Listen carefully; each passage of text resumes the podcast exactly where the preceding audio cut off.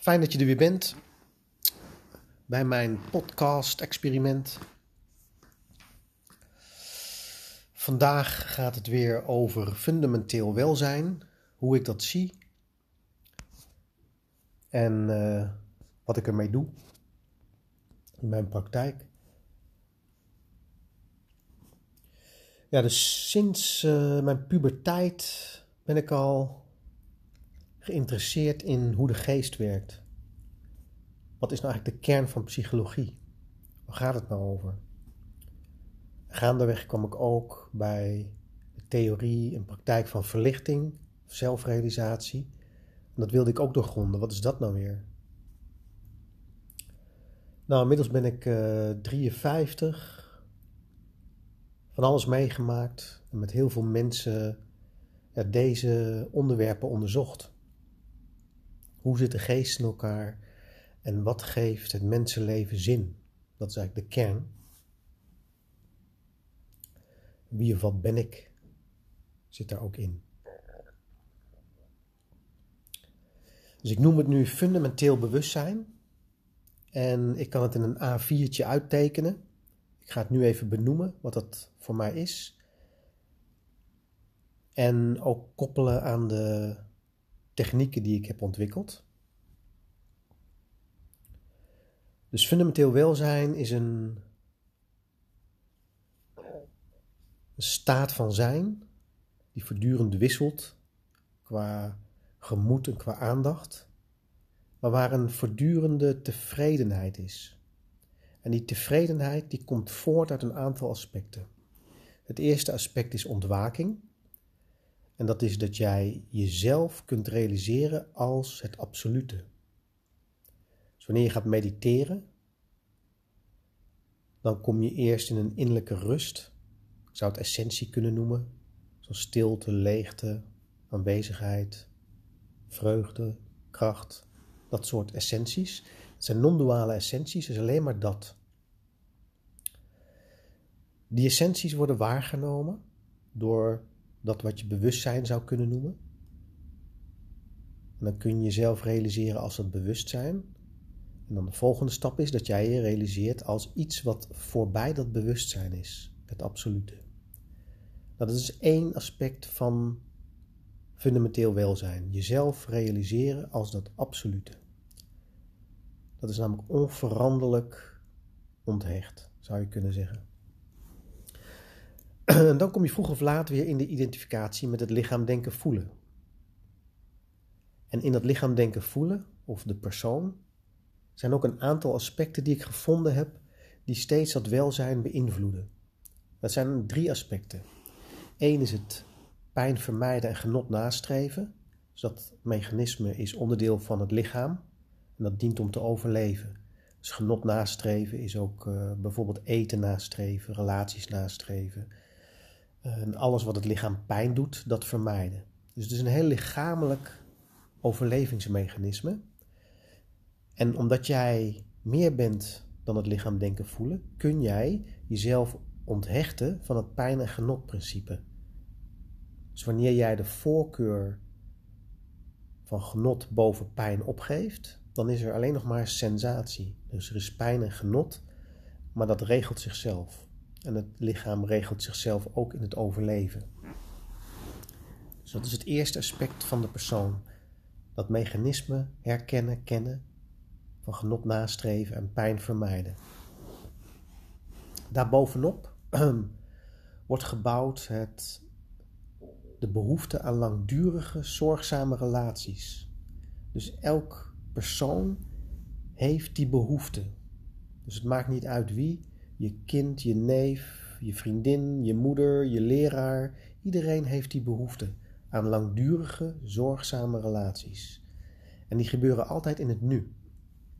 Dus als je er nu voor iemand bent, dan wordt die langdurige, zorgzame relatie opgebouwd.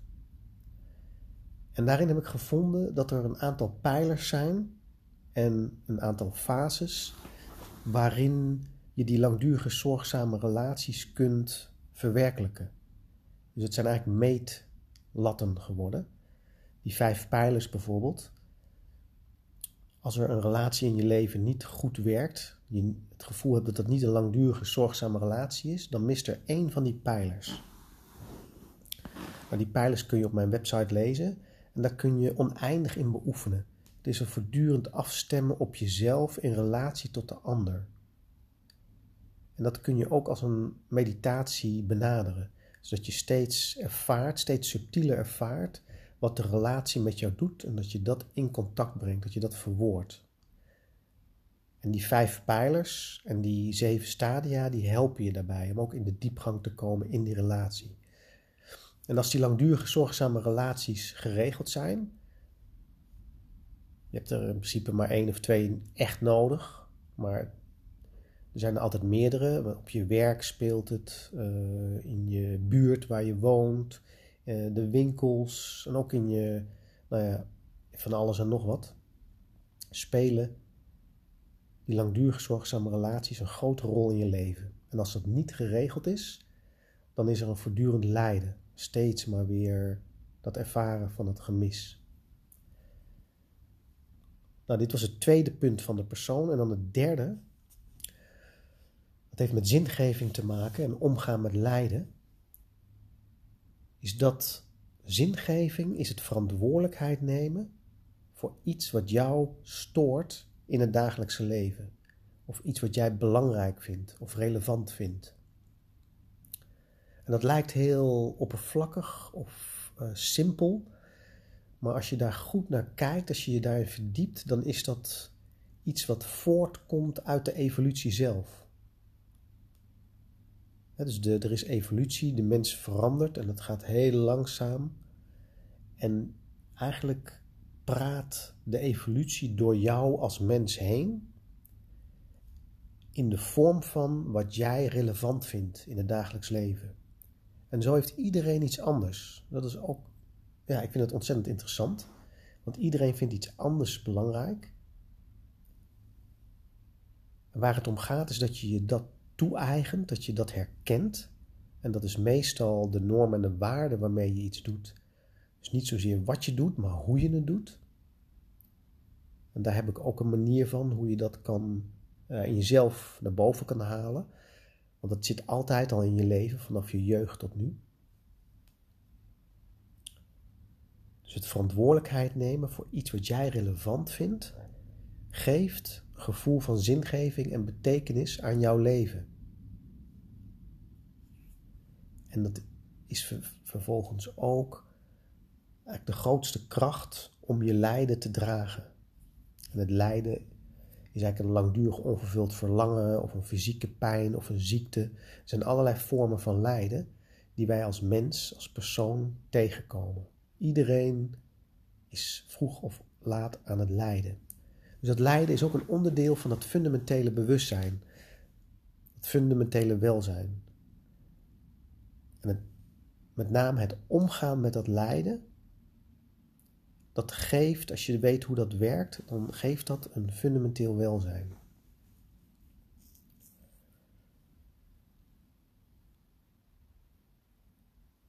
Dan heb ik twee werkvormen ontwikkeld. Eén is uh, de veldsens-meditatie. Die komt voort uit uh, mijn ervaring met focusing van Eugene Genlin en satsang en het studeren van trans persoonlijke psychologie. Klinkt allemaal heel ingewikkeld, maar uiteindelijk heb, het, heb ik het in een hele concrete werkvorm uh, kunnen zetten, waarin je tien stappen leert om te ontwaken. Dus wanneer je jouw dagelijkse ervaring, dat is een verhaal, dat is een ervaring en een verhaal, naar binnen neemt in je lichaam, is er altijd een veldsens. Dat is een vaag gevoel. En wanneer je dat volgt, ten eerste ga je uit je hoofd, dan kom je in het lichaam. En op de een of andere manier, na een minuut of tien, transformeert het lichaam zelf elke vorm van lijden naar essentie, non-duale essentie. En dat geeft een lichamelijke sereniteit, rust en stilte waarin je jezelf makkelijk kunt realiseren als bewustzijn en als iets wat daaraan vooraf gaat. Dus die veldsensmeditatie heeft verschillende aspecten. En ik gebruik het met name om mensen in contact te brengen met hun eigen ontwaken. En tegelijk is het dan de basis ook voor de tweede werkvorm, en dat is de authenticiteitscirkel. Die heb ik gemaakt op basis van circling, wat de laatste tijd uh, in opkomst is, wat overigens al heel lang bestaat. Komt al uit de jaren zeventig. Um, en dat circling, dat is meditatie in contact, zou je kunnen zeggen. En door steeds subtieler jezelf te ervaren in contact, kom je ook steeds meer in afstemming met het geheel, waardoor alles vanzelf gaat. En waarin jij jezelf helemaal laat zijn zoals jij bent. Dus er wordt niks aan jou veranderd. Er wordt alleen maar steeds dieper gekeken van wie ben ik en wat zijn mijn impulsen. Dan volg je steeds dat wat het meest levendig is. En dat brengt contact en verdieping in je relaties, maar ook in je werk. En hoe je bezig bent met werk.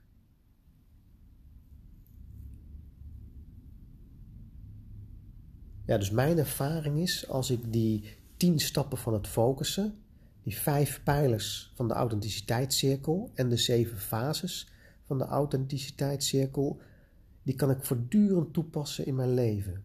Dus ik doe het heel vaak, dus voor mij is het heel. Ehm, ja, ik kan die dingen door elkaar zeg maar, herkennen en toepassen.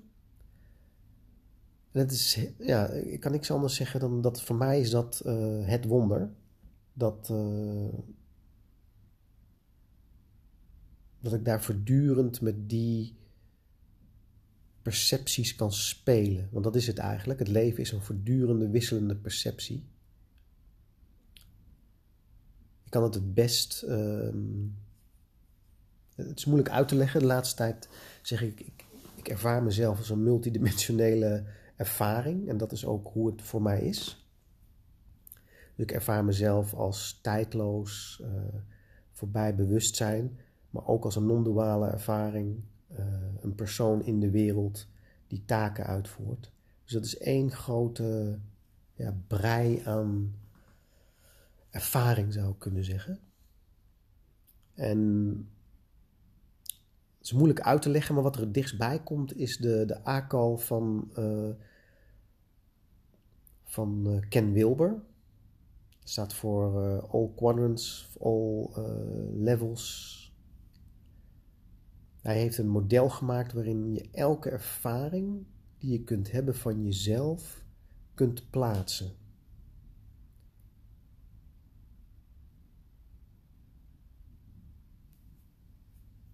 Ja, dus ik had het idee om dat uit te gaan leggen, maar het is vrij ingewikkeld voor mij om dat zo uit te leggen en ook dat het nog blijft hangen. Dus uh, je kan dat op mijn website ook bekijken. Dus AQAL of het kwadrant van Ken Wilber. Nou, dat was het voor nu.